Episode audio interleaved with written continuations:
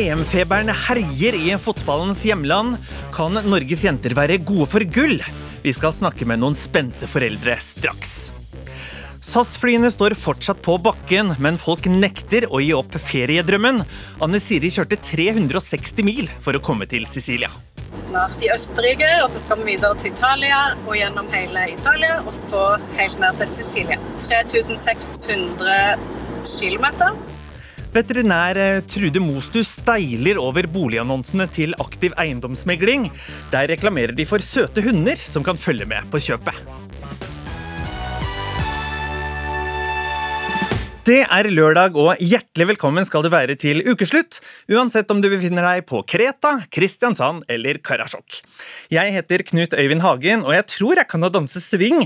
Sommerfestivalene er i gang igjen, og nå skal vi til festivalen som hevder at den er Norges triveligste, nemlig Seljordfestivalen.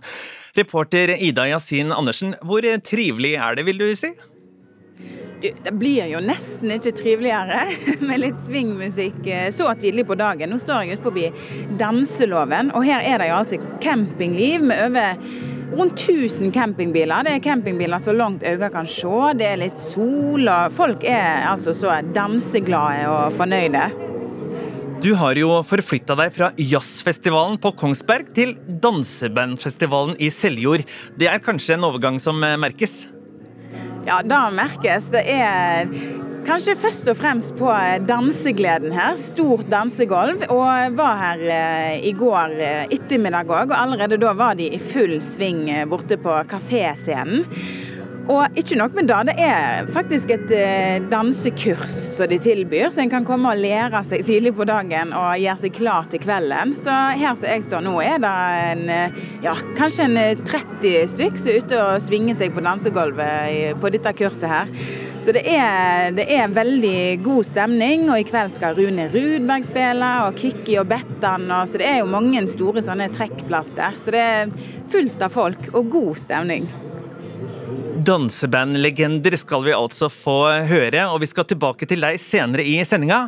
Dansebandreporter har du blitt Ida Yasin Andersen. Verdens beste fotballatleter er i disse dager å se i aksjon. Ja, for EM for kvinner er i gang, og det hele skjer i fotballens hellige hjemland Storbritannia. På mandag barker jentene våre sammen mot vertslandet, hjemmefavorittene England. Men våre jenter er klare for å gi alt for Norge. Og Norge kommer fremover i banen etter kastet, midt inne på halvdelen. Reiten spiller utover til venstre, nydelig innover i 16-meteren. Nå kommer et skudd fra Blakstad! Skyter ballen i mål! Skyter ballen i mål, gjør Julie Blakstad! Og Norge leder 1-0 over Nord-Irland. Et vakkert, vakkert angrep.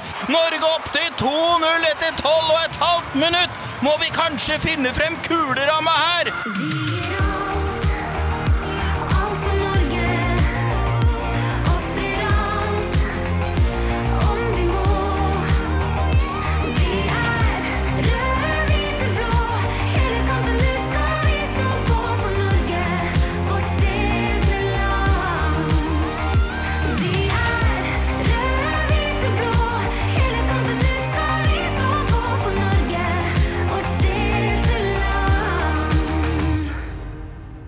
Ja, i England er det mange som nå følger spent med, og som ønsker å gi fotballheltene våre ekstra krefter. Og en av dem er faren til Maren Mjelde, Paul. Ja, hvordan er det å være i England og heie på datteren i et EM? Det er et eventyr som eh, vi er veldig glad for å få lov å være med på. Så eh, En fin gjeng med flotte jenter og gode supportere. Så vi koser oss i England. Og Norge fikk jo en flying start på mesterskapet. 4-1 mot eh, Nord-Irland i første kamp. Hvordan var det å heie på tribunen på torsdag? Du vet, Vi møtte jo Nord-Irland, som òg har en fin supporterskare. og Vi eh, sto på begge nasjoner og gjorde det beste for at jentene skulle få virkelig kjenne på at det er et mesterskap vi er i gang med. Ja, for Det er jo òg en kamp i kampen mellom dere supportere på tribunene. Og dere har jo litt av en utfordring foran dere nå når dere skal møte titusener av England-fans på mandag. Hvordan eh, ser du på det? Vi blir nok sikkert i mindretall på eh, tribunen, men vi skal gi lyd ifra oss. Så vi går for en uavgjort der. At eh, engelskmennene kan vinne tribunekampen, og så vinner vi fotballkampen. Ja, Hva håper du på fra det norske laget på mandag? Hva vil du se? Nei, Jeg syns det, det, norske laget har hatt en fin fremgang i det de holdt på med. Og Mot Nord-Irland så ja, de var flinke, og eh, jeg tror at de fortsetter den turen her. Det, vi er et mesterskap, og det er et mesterskapslag, så de har vært med på dette før. Og Hva håper du fra det norske laget på sikt? da? Seier på mandag, men går dere for gull, eller? Ja da, vi eh, går så langt som jentene sjøl har satt sine ambisjoner, og det er medalje. Så vi sier ikke nei hvis det blir gull. Hvor stort vil det være for deg og for eh, Maren hvis det skulle gå helt til topps? Det er vel kanskje noe av det største du kan få være med på, å vinne et EM i ja, land nummer to for Maren, som bor her borte og spiller her til dagen. Så eh, noe større enn det kan det vel ikke bli. Jan Petter Saltvedt, NRKs sportskommentator, du har inntatt eh, studio. Eh, ja, hvordan ser det ut for Norge i EM, mener du? Jeg skal inntil videre dele store deler av, av optimismen til Paul Mjelde her. Det, Norge fikk akkurat den starten de trengte. Eh, få roen, se at eh, det er et lag som eh, virkelig begynner å henge sammen. Og så er det fortsatt på det tidspunkt i et mesterskap hvor det er lov å tro på alt. Vi har ikke møtt England ennå. Vi har ikke gått løs på det som er de virkelig store oppgavene. Da skal vi bare dyrke den deilige optimismen. Og hva har det å si at eh, kanskje den største stjernen av dem alle er tilbake, Ada Hegerberg? Det har, eh, jeg skal ikke si det er alt å si, fordi eh, vi har et lag med veldig veldig mange gode spillere etter hvert. Men man ser Ada Hegerberg skape trygghet bare ved sin tilstedeværelse. Hun skaper uro hos motstanderne. Og så så vi i kampen mot Nord-Irland nå, eh, det vi har sett antydningen av i de, eh, i de, kampene hun har vært med på etter at hun eh, kom tilbake. Det er lagspilleren. Det er virkelig eneren som tar et tak for samtlige rundt seg i tillegg, i en grad man kan drømme om, men ikke håpe på. Hun, har, hun, er involvert i tre av målene de andre skårer. Eh, Norge skårer fire mål uten at Ada Hegerberg skårer, men hun spiller en veldig god kamp. Det er et eh, enormt godt eh, signal for Norge som lag videre i EM. Det virker som om kvinnefotballen har fått en popularitetsboom, med fulle tribuner, en drøss med medieoppslag. Hvordan vil du si statusen er nå, sammenlignet med bare få år siden? Det skjedde noe eh, sist VM, 2019 eh, i Frankrike. Da gikk man opp til et eh, tilskuergjennomsnitt som var en dobling av noe man hadde opplevd før, runda 20 000. Eh, nå tar man enda et steg. Årene siden 2019 eh, har gitt et enormt løft på klubbnivå. Eh, alle de største klubbene i Europa, inkludert Brann selvfølgelig, har nå bestemt seg for å ville satse på fotball for kvinner. Til, vi skal ikke drive og sammenligne med gutta hele tida, men når gutta har vært så ufattelig dumme og låst seg opp i et VM som kommer rett før jul, så får kvinnene i tillegg det vinduet som sommeren, som er mesterskapstiden, er. Nå er man i England, uh, som har en interesse og en entusiasme rundt dette, som skaper enda mer interesse. Uh, og akkurat uh, det vi ser nå de neste ukene, tror jeg er, vi har snakket om det mange ganger, dette endelige løftet som gir en aksept, som gjør at vi dessuten slipper å snakke om har kvinnefotballen endelig blitt akseptert. Det har den, og vi skal nyte det. Hva er realistisk å håpe på for det norske laget, og hva kan vi drømme om? Nei, altså Vi får en indikasjon på mandag. Eh, jeg er ikke så sikker på at vi kommer til å slå England. Disse lionesses, som de kalles. Eh, løvinnene er storfavoritter. De fikk akkurat den seieren de trengte i åpningskamp mot eh, Østerrike. Vet at Norge er den tøffeste motstanderen. Spiller vi uavgjort der, så tror jeg vi får det siste løftet som gjør at vi kommer oss til en kvartfinale derfra. Mesterskap skal ha sine overraskelser. Hvis Norge går noe lenger enn kvartfinalen, er det en overraskelse, men kanskje er det vår tur til å faktisk eh, vise verden hva vi har i oss, for potensialet er helt åpenbart der. Til slutt, hva tror du på av resultat på mandag? På mandag så tror jeg det ender 1-1 eh, etter at eh, Ada Hegerberg eh, utligner på en litt heldig skåring tre minutter før slutt. Vi krysser fingrene for jentene i rødt, hvitt og blått, og ønsker Paul Mjelde og Jan Petter Saltvedt riktig god fotballsommer.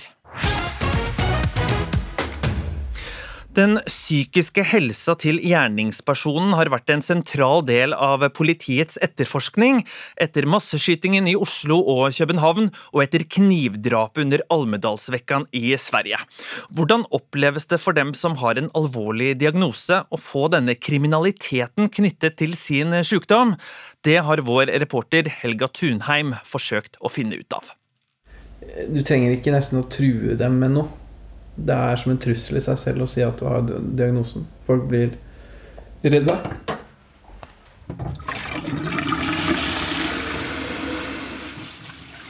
«34-årige Vincent de Møll lever et tilnærmet normalt liv i Holmestrand. Med egen leilighet, jobb og ei datter på fire. Er det noe annet jeg kan by deg på? Vann, Men han har også diagnosen paranoid schizofreni, som han fikk i ungdomsåret. Takket være medisiner merker han lite til sykdommen i hverdagen, men han merker seg at det i media blir lagt vekt på tidligere psykisk sykdom som en del av årsaker til at folk blir drepne i Norge, Danmark og Sverige. Det er jo et fåtall oss som har eh, det i oss at vi kan drepe andre. sånn selv de som eh, sliter alvorlig med psykoser og sånn, de, de fleste av oss er jo ikke voldelige. Så skal vi til København. De som ble behandla for skuddskader etter masseskytinga på kjøpesenteret Fields på søndag, er nå utafor livsfare. Ja, Hendinga søndag har sett psykisk helse på dagsorden i Danmark. Skuddene er utenfor London pub i Oslo og på kjøpesenteret i København. Og knivdrap under Almedalsveka i Sverige. Alvorlige drapshendinger der psykisk sykdom er nevnt som en av flere mulige forklaringer på ugjerningene. Nylig ble også mannen som står bak Kongsberg-drapet dømt til tvungen psykisk helsevern. Han har siden 2007 hatt diagnosen paranoid schizofreni. Folk har trodd at jeg kan drepe dem fordi at jeg har den diagnosen jeg har. Det er veldig fort gjort for folk å ta alle under en kam eh, og ta alle sammen i samme kategori. De er, de er ikke flinke til å se folk individuelt. Nadia Torbjørnsen har levd med diagnosen hebefren schizofreni i 13 år. Hun har tidligere følt det som en belastning at sykdommen hennes har blitt omtalt i media i forbindelse med alvorlige drapssaker. For meg i dag blir ikke jeg noe påvirket av det, nei. Men før så ble jeg veldig påvirket av det. F.eks. når det i 2011 skjedde, så var jeg livredd for at folk skulle tro at jeg var som han. fordi at det, det var snakk om i media at han hadde da den type diagnose som jeg har. da. Da NRK-serien Ikke spør om det hadde schizofreni som tema, og Vincent og Nadia var blant deltakerne, kom det mange spørsmål. Vil du drepe meg? Hvem er du? Hva har du gjort? Hvem er, hvem er du? Uh, hvorfor skal jeg drepe deg? Du må jo true barna mine eller familien min. da. Jeg tenker at De fleste er i stand til å drepe, men uh, vi er ikke noe mer i stand til å drepe enn den generelle befolkningen. Nei, jeg har ikke noe behov for å drepe deg. Nei, jeg har ikke det. Det er jo bare en diagnose. Det betyr jo, det har, det vi er jo dønn ulike, alle som har den diagnosen. I 15-årsalderen førte langvarig insomni til sykdommen paranoid schizofreni, som Vincent har levd med siden. Medisinen holder stort sett sykdommen i sjakk. Sist han hadde et ublidt møte med de indre demonene, var for to-tre år siden, da han var psykotisk i et par uker. Hvis du har virkelig opplevd noen av de verste marerittene du har hatt, mm. Og så ha det i våken tilstand Og så er Du slipper ikke unna det marerittet. Det, det, jager deg, liksom, innvendig. Det, plutselig så slipper det tak, og så husker du nesten ikke at du har hatt psykose. Men der og da så er det bare det er, det er, som å være i helvete, altså. Vincent mener det må ligge noe mer bak enn sykdommen alene for at en skal være i stand til å utøve vold mot andre, og i verste fall drap. Jeg har aldri vært voldelig i en psykose. Aldri. Jeg har skalla meg selv og slått meg selv. For Vincent har det vært viktig å være åpen om sykdommen. Slik håper han å skape balanse i den framstillinga sykdommen får. Jeg trenger ikke å ta og snakke for alle andre, jeg kan snakke for meg selv. Men det er greit å vise at eh, jeg er ufarlig, i hvert fall. komme ut og si at jeg, jeg kommer i fred, holdt jeg på å si. Ja. Mange ser på søte dyr på internett, men at søte hunder skulle dukke opp i boligannonser, det hadde vi kanskje ikke sett for oss. Men Aktiv Eiendom de markedsfører nå omplasseringshunder i boligannonser. I annonsene står det f.eks.: Hils på Nils, han er også på søken etter et trygt og godt sted å bo. Og kanskje får man plass til en til når man en dag får mer plass å boltre seg på. Veterinær Trude Mostu, eh, hva syns du om disse annonsene og denne markedsføringen? Helt intuitivt og impulsivt, og eh, måten jeg reagerte på disse annonsene på, var at jeg først og fremst tenkte Jøss, dette var spesielt. Det var litt som å gå og shoppe på Peppe, så får du en cola i tillegg. Og eh, jeg tenkte jøss, har de begynt å style boligen nå med en hund? Jeg tenkte det var litt respektløst. Jeg tenkte også at eh, det er jo en form for kreativ markedsføring som dessverre kan tiltrekke seg feil interessegrupper og impulsive hundekjøp, og det vil vi ikke ha med omplasseringshundene. Du sammenligner det med barnehjemsbarn. Hvordan da? Nei, altså det er noe med dette her. Jeg tar nok omplasseringshunder ekstra seriøst, fordi jeg er så veldig opptatt av at den prosessen skal gjøres ordentlig. Og så er det dette levende vesener. Og jeg føler litt, selv om det er å sette det på kanten, er å plassere da Nils eh, på en sofa eh, blir litt som å plassere et barn som trenger et nytt hjem. Um, og det er jo kanskje derfor jeg har brukt den betegnelsen fosterbarn, da. Så jeg vet at det er å sette på spissen, men for meg så er dette her så seriøst, eh, dette med omplasseringsdyr, at jeg følte at denne annonsen ble litt for useriøs, og den ble litt sånn Hei, hils på Nils og ta deg en pils og få deg en ny sofa på slengen. Administrerende direktør i Aktiv eiendomsmegling, eh, Karsten Onsrud. Hva syns du om kritikken fra Mostu her? Nei, Jeg kjenner meg ikke igjen i det hele tatt i det hun ser, jeg synes, sier, og det syns jeg er helt uh, utafor. Uh, hele formålet med, med, denne kampanjen er jo at vi setter uh, fokus på Food. Vi har inngått et uh, godt samarbeid med Food, og vi ser at de gjør en fantastisk jobb. De har fått en stor utfordring nå etter pandemien, hvor mange faktisk har kasta seg på bølgen og fått en hund kanskje uten å ha tenkt seg godt nok om. Det gjør at det har blitt masse hunder som trenger et nytt hjem. Og vi mente at her kan vi bidra. Vi bruker masse eh, plass både på digitale plattformer og sosiale medier, og har brukt så langt bare én boligannonse hvor vi har fremheva Nils for å få fram Food og den gode jobben de gjør. Annonsen med hunden Nils har blitt sett eh, ti ganger mer enn en vanlig boligannonse. Det kan virke som om søte hunder eh, selger?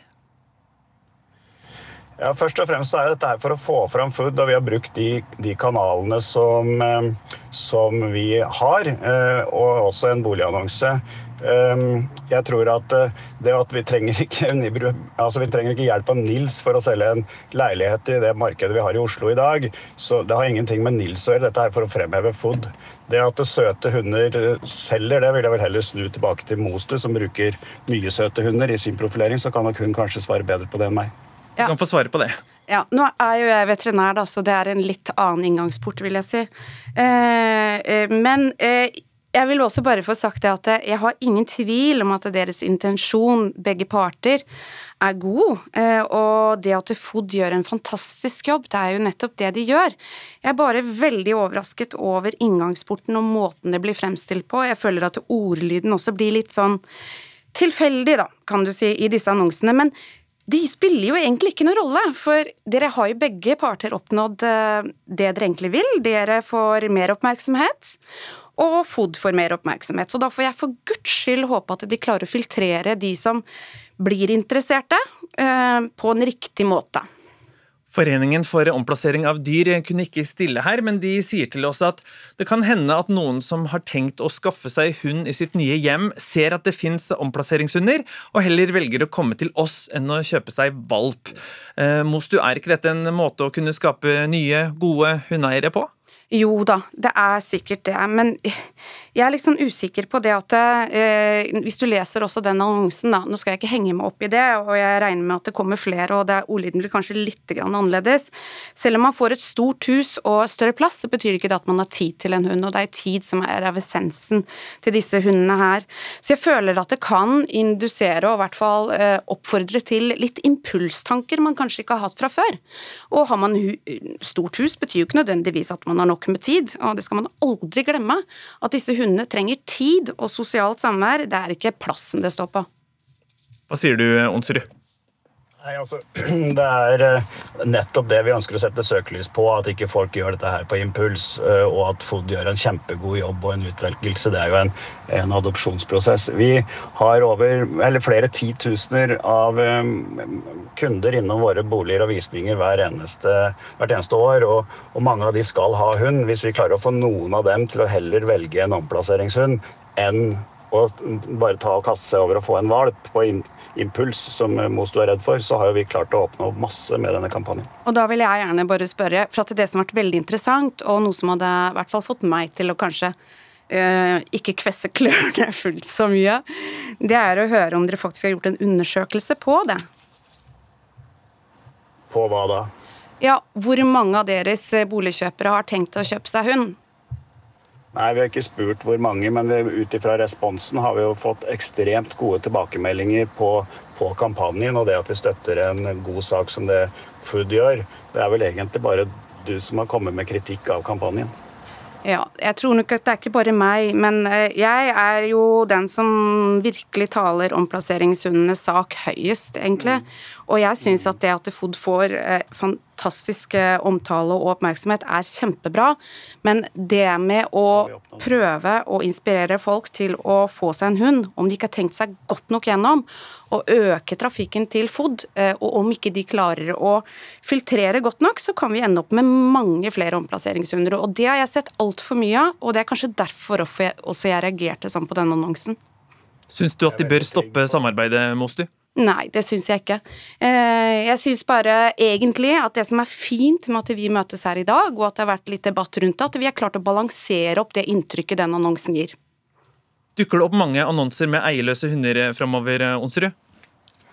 Eh, det får vi se. Vi, har, vi betaler hundene litt for modelloppdraget, og, og, vi har vel gjort en avtale med, med to-tre hunder til, ja.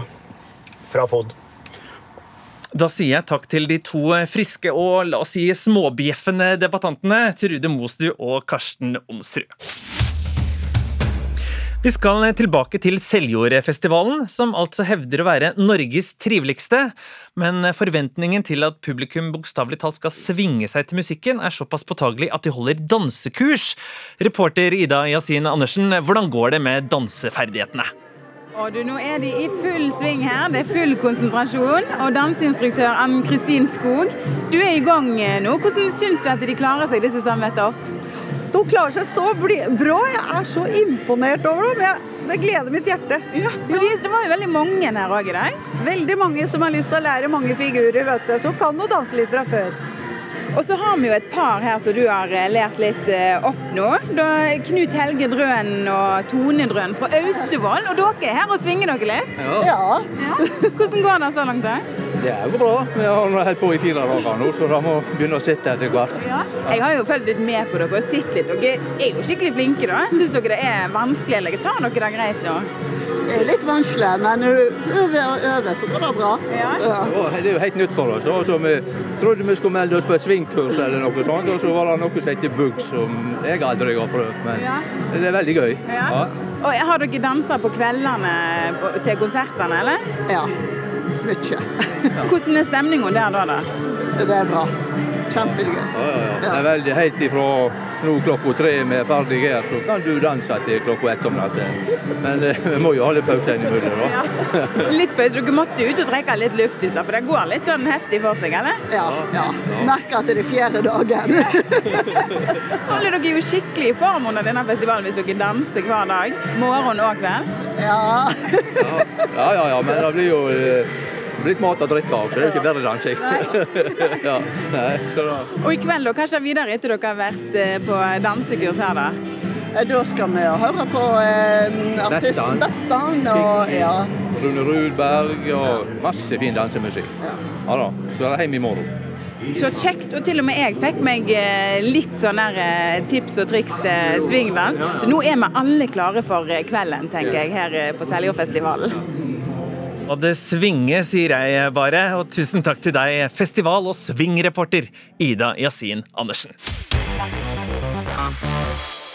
Hvis gutter går toppløse, må vel jenter også kunne gå toppløse? Det syns jeg absolutt. Altså, ja, man må jo få sol der òg. Kan ikke ha bleike pupper til sommeren, liksom. Men er det så lett å kaste bikinitoppen?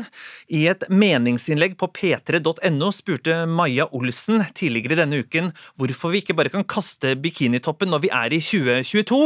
Reporter Ida Kloppen Gladisjak har dykket ned i dette, og starter med et tilbakeblikk på det frie og toppløse 80-tallet. Lekepupper, pekepupper, mine pupper, dine. Fine pupper, vis verden puppene.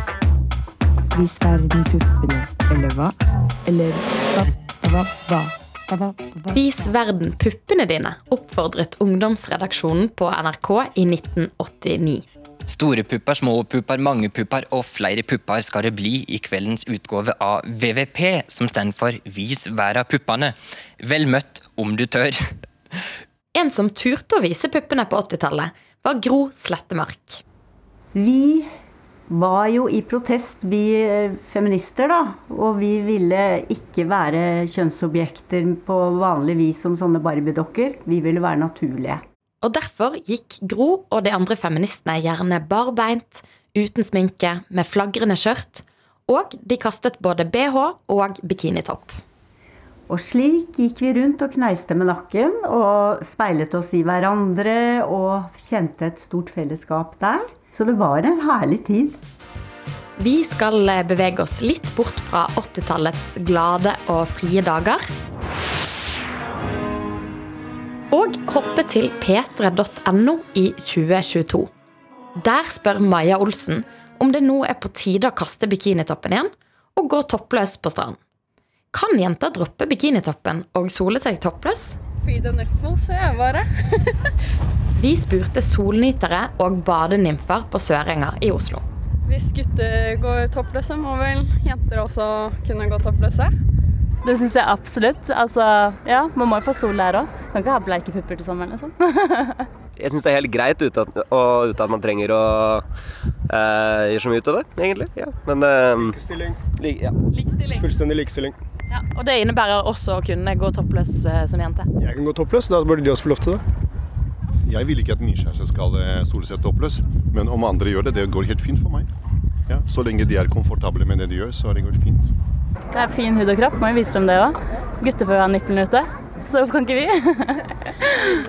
Nei, jeg tenker at det, det må jo være opp til en sjøl å velge, men jeg syns jo det er vakkert, så det støttes. Har du lyst, har du lov, mener badenymfene. Men ingen av de var toppløse selv. Veldig mange, særlig den yngre generasjonen, er åpne for og syns at man skal gjøre det hvis man har lyst. Men så er det alltid mye lettere å si eh, ja, det burde du gjøre, enn å gjøre det selv. Tuva Fellmann er sexolog og programleder i nakendatingprogrammet Naked Attraction på Discovery. Er duket for en halvtime med fysikk og kjemi. Kjemien det er jo mellom mennesker som skal studeres, og fysikken det er jo selvfølgelig nakne kropper. Dette her er Naked Attraction. Men selv om Tuva leder et frigjørende program, er programlederen kanskje ikke så fri som hun selv skulle ønske. Altså sånn, Jeg vet jo med meg selv, da, jeg solte meg alltid toppløs før. Mens nå, eh, når jeg har fått barn og jeg har liksom bikka 30, så plutselig så av en eller annen grunn så har jeg liksom sluttet litt med det. Men jeg innser jo nå at sånne kronikker sånn som Maja har skrevet, så gjør det at jeg tenker sånn Nei, men fader heller, da skal jeg også sole meg toppløs. Altså her må man jo på en måte eh, stå litt på barrikadene sammen da, og vise at eh, det skal ikke være sånn at man skal føle at man ikke skal kunne sole seg toppløs. Tilbake igjen blant badenymfene på Søringa lurer jeg på nettopp det Tuva sier. Er det lettere å støtte at andre gjør det, enn å faktisk gjøre det selv? Soler du deg toppløs? Eh, ikke per dags dato. Jeg har gjort det hjemme noen ganger, da. Men eh, jeg er ikke så komfortabel til å gjøre det ute blant folk. Men eh, kanskje senere. Jeg også hadde nok kanskje trukket meg til et sted hvor det ikke var så mye mennesker. Mm.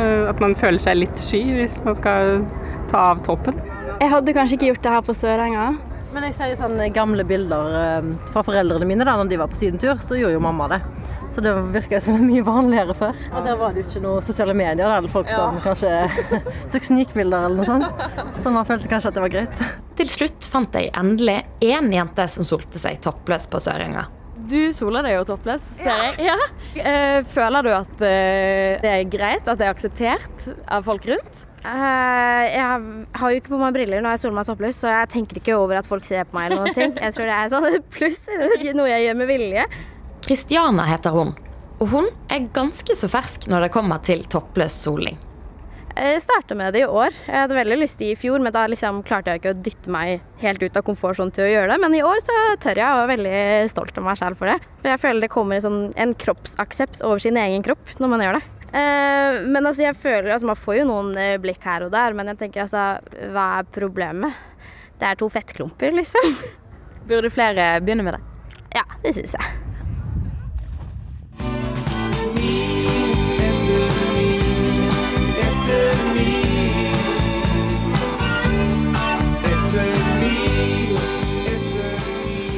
Buss for tog er vi vant til, men med flystreiken ble plutselig buss for fly et kurant uttrykk.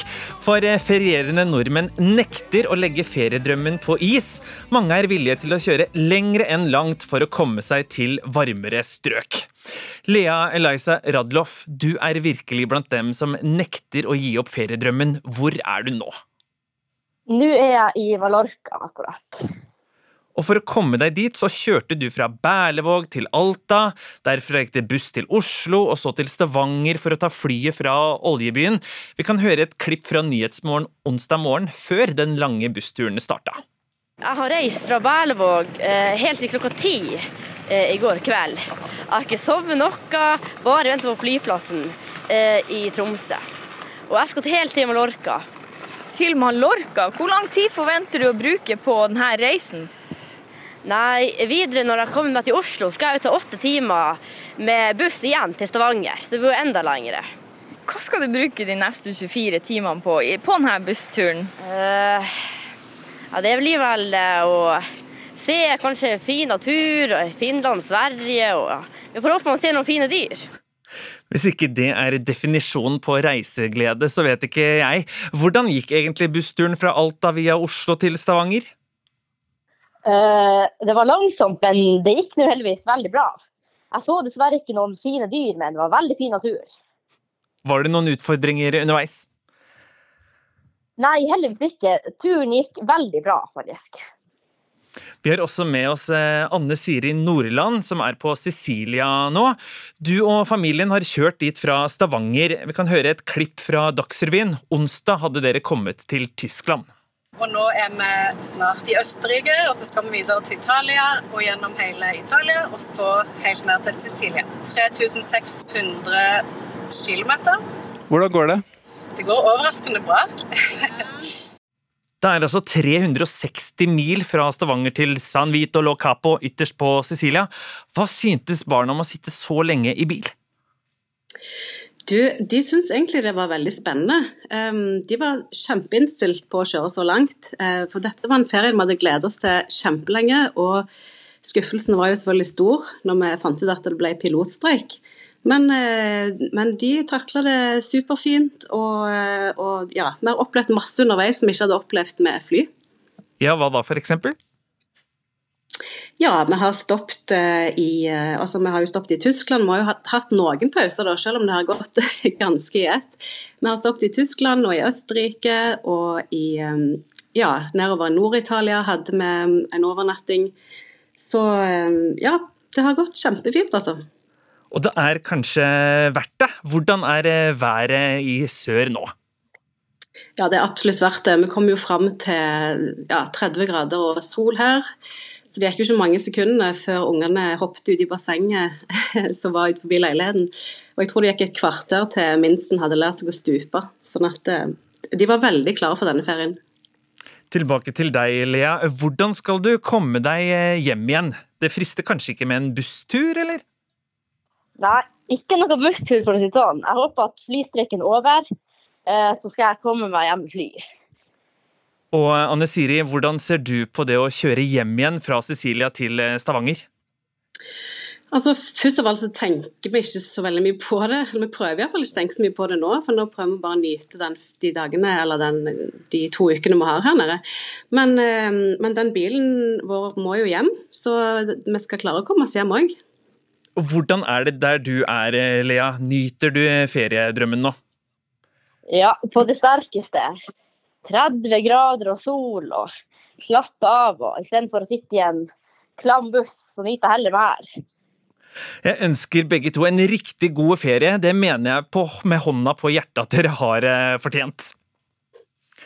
Runar Døving, professor ved Høgskolen Kristiania. Du har hørt disse damene fortelle om sine strabasiøse reiser til Syden. Er det litt galskap dette her, eller er det normalt? Nei, Det er i hvert fall veldig hyggelig å høre, og veldig mye tiltakskraft. og, og at man snur seg rundt og er så impulsiv. Og det er jo den impulsive ferien som ofte er den morsomste, så det, det, blir jo alltid et godt resultat. Det er mye bedre enn å sitte hjemme og sutre, i hvert fall. Hva er det som får noen, for det er jo ikke alle, til å sette seg i bilen og kjøre flere hundre mil for å komme seg på ferie når flyet ikke går? Ja, Enten så er du nordlending, eller så er det et eller annet du virkelig må. altså, Vi søringer vi har ikke helt eh, Jeg tror ikke vi skjønner eh, den manglende respekten for avstander det er nordpå. Altså, de, de, reiser jo 100 mil i en eller annen retning eh, helt uproblematisk. Og det er forståelig når man er der oppe, da. det er jo flatt og fint å kjøre, men de har ingen respekt for avstander. Altså, Vi søringer vi syns det er mye verre. Jeg tror det egentlig det er en sånn kulturell forskjell i Norge, egentlig. Ganske sterk. Altså, du er vel fra Innlandet? Og jeg, jeg er fra Hamar. Hamar, ja. Det er et trygt bondesamfunn, ikke sant. Og vi er treige i sessen, og hvis det skal noe til, så vi, bruker vi lang tid for å bestemme oss. Men hvis du er i nærheten av sjøen, har vokst opp med sildestenger, og da må du snu deg fort rundt for å sette i gang for å få silda i hus. Da. Så, så jeg tror det er ganske store kulturelle forskjeller, egentlig, mellom Kyst-Norge og, og Innlands-Norge. Og det er det ene, og så kommer det an på liksom hvor viktig det er. Ikke sant? Altså, jeg har en venn som skulle i bryllup i Beirut. og Han satte seg og kjørte hele natta til Stockholm for å komme seg på bryllup. og Det er, det er viktig for han og viktig for, for vertskapet. Så, så, det kommer an på hvor viktig det er, og så kommer det an på hva slags type du er òg. Ikke sant? Det er, jo, det er jo noen som er mer tiltaksklare enn andre og mer risikovillige. Og så folk som er vant til å snu seg rundt, de, de, de, de benytter anledningen til å gjøre det.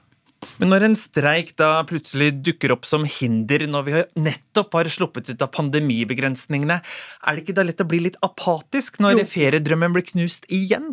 Jo, det er det. Men samtidig så har jo, har jo den apatien ført til en indre ro, kanskje, for ganske mange. Og for, for, de av oss som på en måte nesten har sluttet å reise etter eh, pandemien, så kan man jo tenke seg at det, eh, finnes mange muligheter. Og, og vi, vi, utviklet jo den, det mulighets, utvidet jo det mulighetsrommet under pandemien ved også nettopp ta eh, bilen fatt og, og gjøre ting i nærområdene våre. Og, og, bruke nærområdet til å utforske det, og kanskje være turist i indre by og sånn. Så det, altså En sånn pandemi skaper jo kreativitet. Og en av de morsomste tingene som er med menneskedyret, på en måte, det er jo det at vi ikke kan tenke oss at ting kan være annerledes. Men når ting først, først endrer seg, så er vi ekstremt tilpasningsdyktige. Og det, det, viste jo den pandemien til det fulle. Liksom at, at, at, Erna Solberg gikk inn og instruerte hvor mange vi skulle ha på julemiddagen. ikke sant? Og Da godtok vi det, og så, og, og så er det på, på nytt. Altså, vi har jo vent oss til at vi kan fly jorda rundt. Og for 50 år siden så, så, så hadde ikke det vært en tanke. liksom. Og Når det er båten som gjelder, så må du jo vente på at du skal ha medvind, og så må du sette deg ned og vente til vinden snur. Og du kan ikke skylde på staten for at vinden kjører feil retning. Reisevaner går vel litt i bølger, altså, og ikke har vi flydd lenger enn 50 eh, års tid. Altså, hvilke endringer ser vi nå? Ja, altså Nå ser vi for først og fremst en ideologisk endring, fordi at det er en klimakamp som på en måte eh, pushes ned til for, for, for, forbrukernivå. og Så kom, ser vi kanskje politiske endringer. Og vi har vært utrolig heldige uten masse vulkanutbrudd og, og masse stormer og pandemier og sånn veldig lenge. Så det er klart at hvis det blir en mer naturtilstand og en vanetilstand, så må vi jo endre befordringsmidlene. Og det er jo også en sånn politisk sak. Man kan jo velge å, å, å bygge Nordlandsbanen å gjøre sånn som de gjør i Japan. Utvikle et godt eh, togsett. og Man kan godt tenke seg Altså, hele verden kan jo ikke fly. Da ville jo alt falt sammen. Det er ikke plass til, til syv milliarder flyturer i året. Så, så, det kommer jo til å bli masse, masse, masse, endringer. Men en av de endringene som har skjedd med at det har vært så ekstremt velfungerende, er jo det at man alltid har hatt noen å skylde på. Ikke sant? Mens man i tidligere tider tenkte at dette var, var skjebnen. Jeg, jeg kom meg ikke til Amerika. Ikke sant? Jeg, jeg, jeg hoppet av og blei i Kristiania. Eh, så, så, kan man jo tenke seg at det, altså Man kan jo i hvert fall tenke den tanken at ting kommer til å bli annerledes når det har vært annerledes før. Kan eh, flystreiken gi bilen en ny sjanse som ferietransport? Ja, det, det, kan den absolutt. Jeg tror, det, jeg tror, det, startet i pandemien. Det var jo veldig mange som brukte Norge som eget, eget, eget, ferieland. Og det er jo veldig mange som liker å kjøre bil, og Norge er ganske godt uh, utviklet som, som biland. Eh, og, og, og, tenk på det, altså, sånn som USA. altså USA var det store toglandet framfor noen. ikke sant? Og se, se gamle bykart over amerikanske byer fra 50-tallet. Det var skinner i annenhver gate. Og, og, nå er det et billand. Og det kommer til å så, så skje igjen. Så jeg tror både tog og bil kan få en ny renessanse. Da får vi altså se om sommeren utgjør starten på bilens renessanse igjen. Takk for at du var med i Ukeslutt, Runar Døving, og god sommer til deg. Takk for det.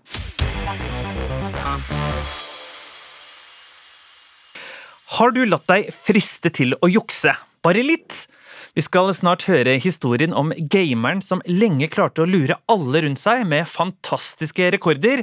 Men først tar vi oss en runde på gata for å teste hvor villige folk er til å jukse. Når eh, juksa du sist? Jukse? Uh, det må jeg bare beklage til min niese på. Vi spilte et spill, og jeg, jeg var ikke rettferdig i det hele tatt. Jeg, jeg på hvilken måte? Nei, jeg, jeg måtte frarøve henne viktig informasjon om hvordan hun kunne vinne. Så, så ja, nei, jeg, så på det som juks. Jeg, følte meg litt dårlig etterpå. Jeg juksa i basketball for litt siden. Jeg bare tok ballen og sa det var noe annet enn det som skjedde. Når jeg jukset sist, og det må være ungdomsskolen, på en eller annen prøve, det må være matte for det er det verste jeg vet. Da tror jeg jeg skrev noe på en sånn lapp jeg hadde med meg i lomma, som jeg tok frem av og til når jeg trengte å kikke, uten at læreren så det. jeg kommer egentlig ikke på noe. Nei. Jukse aldri? Eh, ikke før jeg kommer på, faktisk. Nei, jeg tror faktisk ikke det. Hvor går grensa mellom uskyldig juksing i kortspill hjemme med familien, og juks som kan føles som et stort svik for de rundt? Gameren Øyvind opplevde sviket da hans forbilde ble avslørt som en stor jukser. Reporter Ida Kloppet Gladisjak har historien om avsløringen.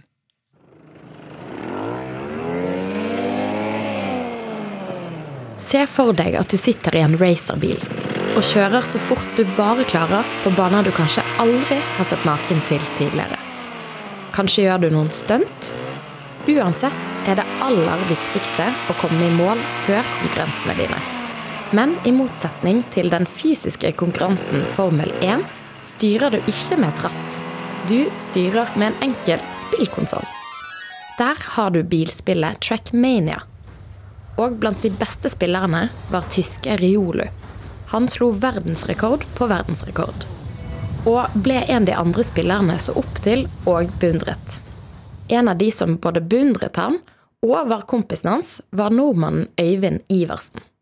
Vi skjønte at noe var galt, om det var måten vi eh, fikk eh, sett hvordan han styrte på, eller om det var han som hadde jukset, det visste vi ikke. Men et eller annet var, eh, var uggent med det. En dag i fjor tikket det nemlig inn en melding i innboksen til Øyvind fra en annen Trackmania-spiller.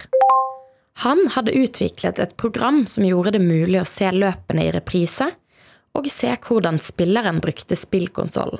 Uh, vi så på hvordan han brukte kontrollen, og hvordan andre spillere brukte kontrollen. Og vi så at Riolu styrte omtrent ti ganger så raskt i sekundet som alle de andre proffespillerne. Og det var bevegelser som var veldig unaturlige i forhold til hvordan andre ville spille spillet. Etter å ha sett på Riolus løp i reprise og kjørt ulike tester, raknet heltebildet Øyvind hadde hatt av Riolu. For Riolu hadde jukset. Når vi først så hvor merkelig de her reprisene var, så prøvde vi å finne ut hvor er det det begynner. Og vi måtte helt tilbake til juli 2011. Så fra juli 2011 til desember 2020. Så nesten ti år da, med jukserekorder er det vi fant. Øyvind sliter med å forstå hvorfor Riolo jukset i det hele tatt. Han var jo så god i utgangspunktet. Og for å prøve å forstå det, så må vi forlate gamingverden et lite øyeblikk og høre med Hanne Sofie Johnsen Dahl. Hun er psykolog og lektor ved Psykologisk institutt på Universitetet i Oslo. Noe jeg har tenkt på, det er f.eks. At, eh, at man kan ha ganske dårlig selvfølelse. Sånn at det å stå fram som den man er, med det man får til og ikke får til, eh, at det kan være problematisk. Sånn at man vil jukse seg litt oppover og prøve å fremstå litt bedre enn det man er. Det kan også være fordi at det er en viss sånn spenning knyttet til det å jukse. Man kan bli tatt. Men det finnes også tilfeller der det faktisk er greit, og til og med meningen å jukse litt. Sånn som i, i poker så er det jo en veldig idé å ha pokerfjes og liksom jukse seg til noe på en eller annen måte. Da er det jo liksom Det er innafor. Men eh, ellers så er det jo ikke sånn at det er fint å ha et pokerfjes eller lure seg til noe eller Det, det ville ikke vært like akseptabelt andre steder, da.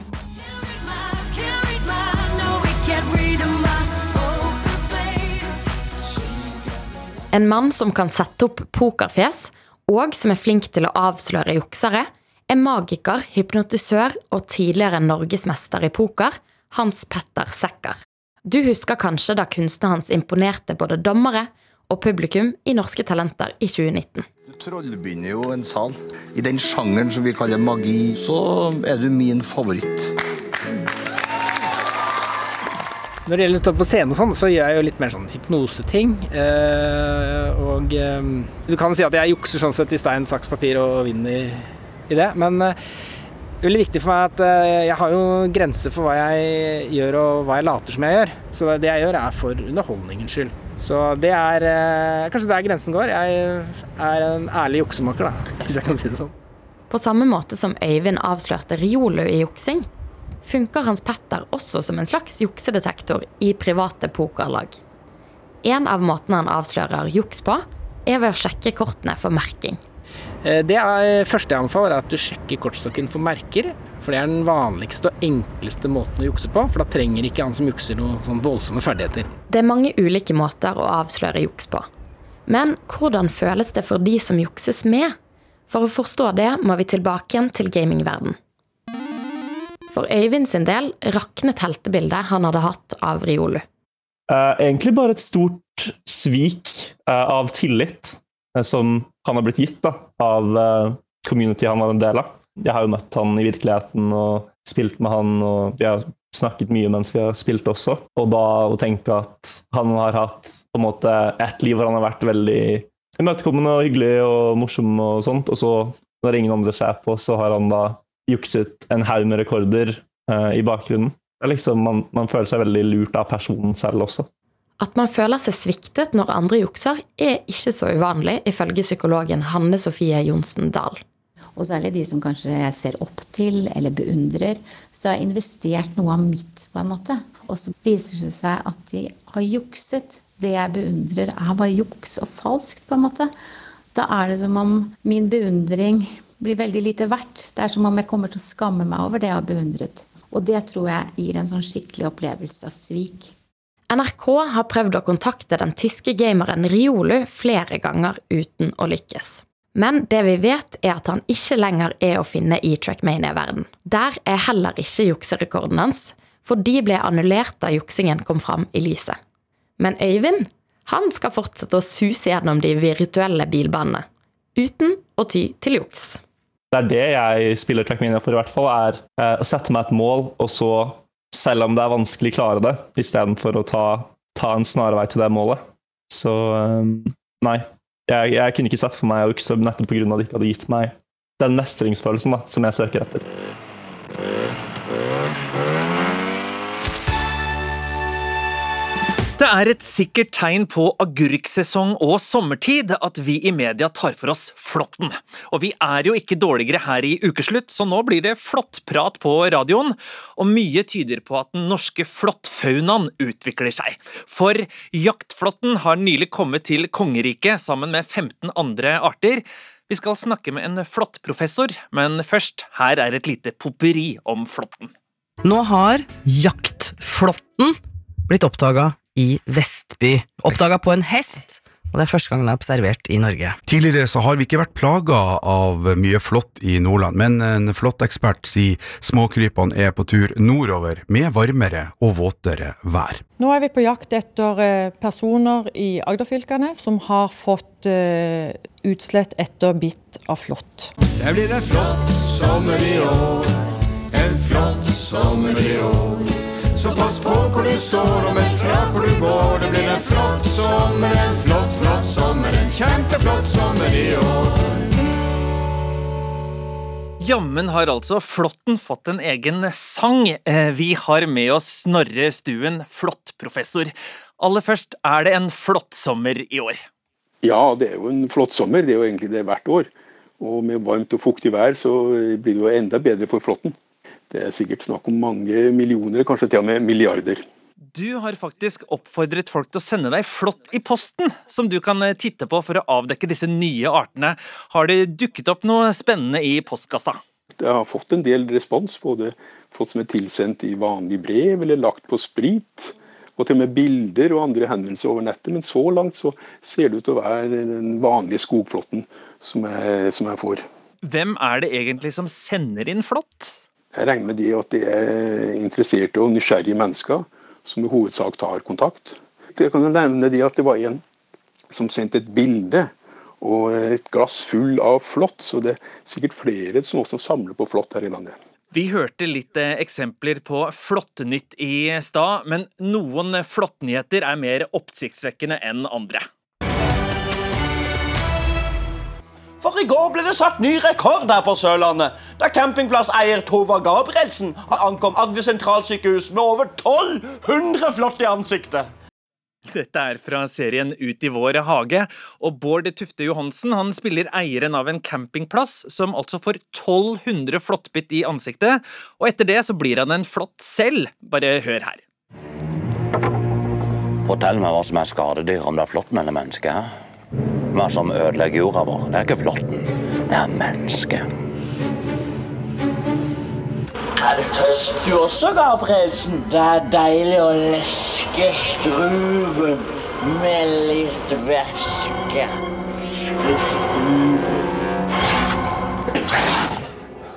Det er eh, dramatiske greier. Husker du denne, Snorre? Ja, det gjør jeg jo. Jeg syns jo det var litt morsomt, da, for å si det sånn. Kanskje ufarliggjør et tema.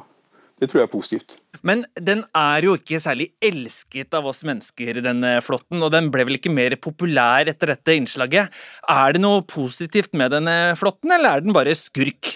Den eh, tilhører en del av skaperverket og har jo eksistert i lang tid. Altså, det er jo flåttlignende skapninger som, som var til stede i dinosaurenes tid, så den har jo eh, levd i millioner av år på jorda tilsynelatende uten å endre så mye på sin livsstil eller form. Så den er jo en vellykket uh, skapning som har funnet sin nisje i naturen. Så, uh, sånn sett så, så er det en del av, av skaperverket. Det er jo en eh, vaksine mot borreliose på vei, men uh, mens vi venter på den, hva er dine råd til de som blir bitt av flått? I første omgang er jo å da prøve å få fjerne så raskt som mulig. Tommelfingerregelen er jo å fjerne den innen 24 timer. Det tar såpass lang tid fra flåtten setter seg til at den overfører smittestoff. Det gjelder f.eks. ikke for TBE-virus, som kan overføres raskere. Så eh, det er om å gjøre bare å fjerne den. Det finnes jo flere sånne redskaper som du kan få tak i. Om det sitter igjen noen munndeler, og sånne ting, det betyr ingenting. Det kan du bruke litt sårsalve på.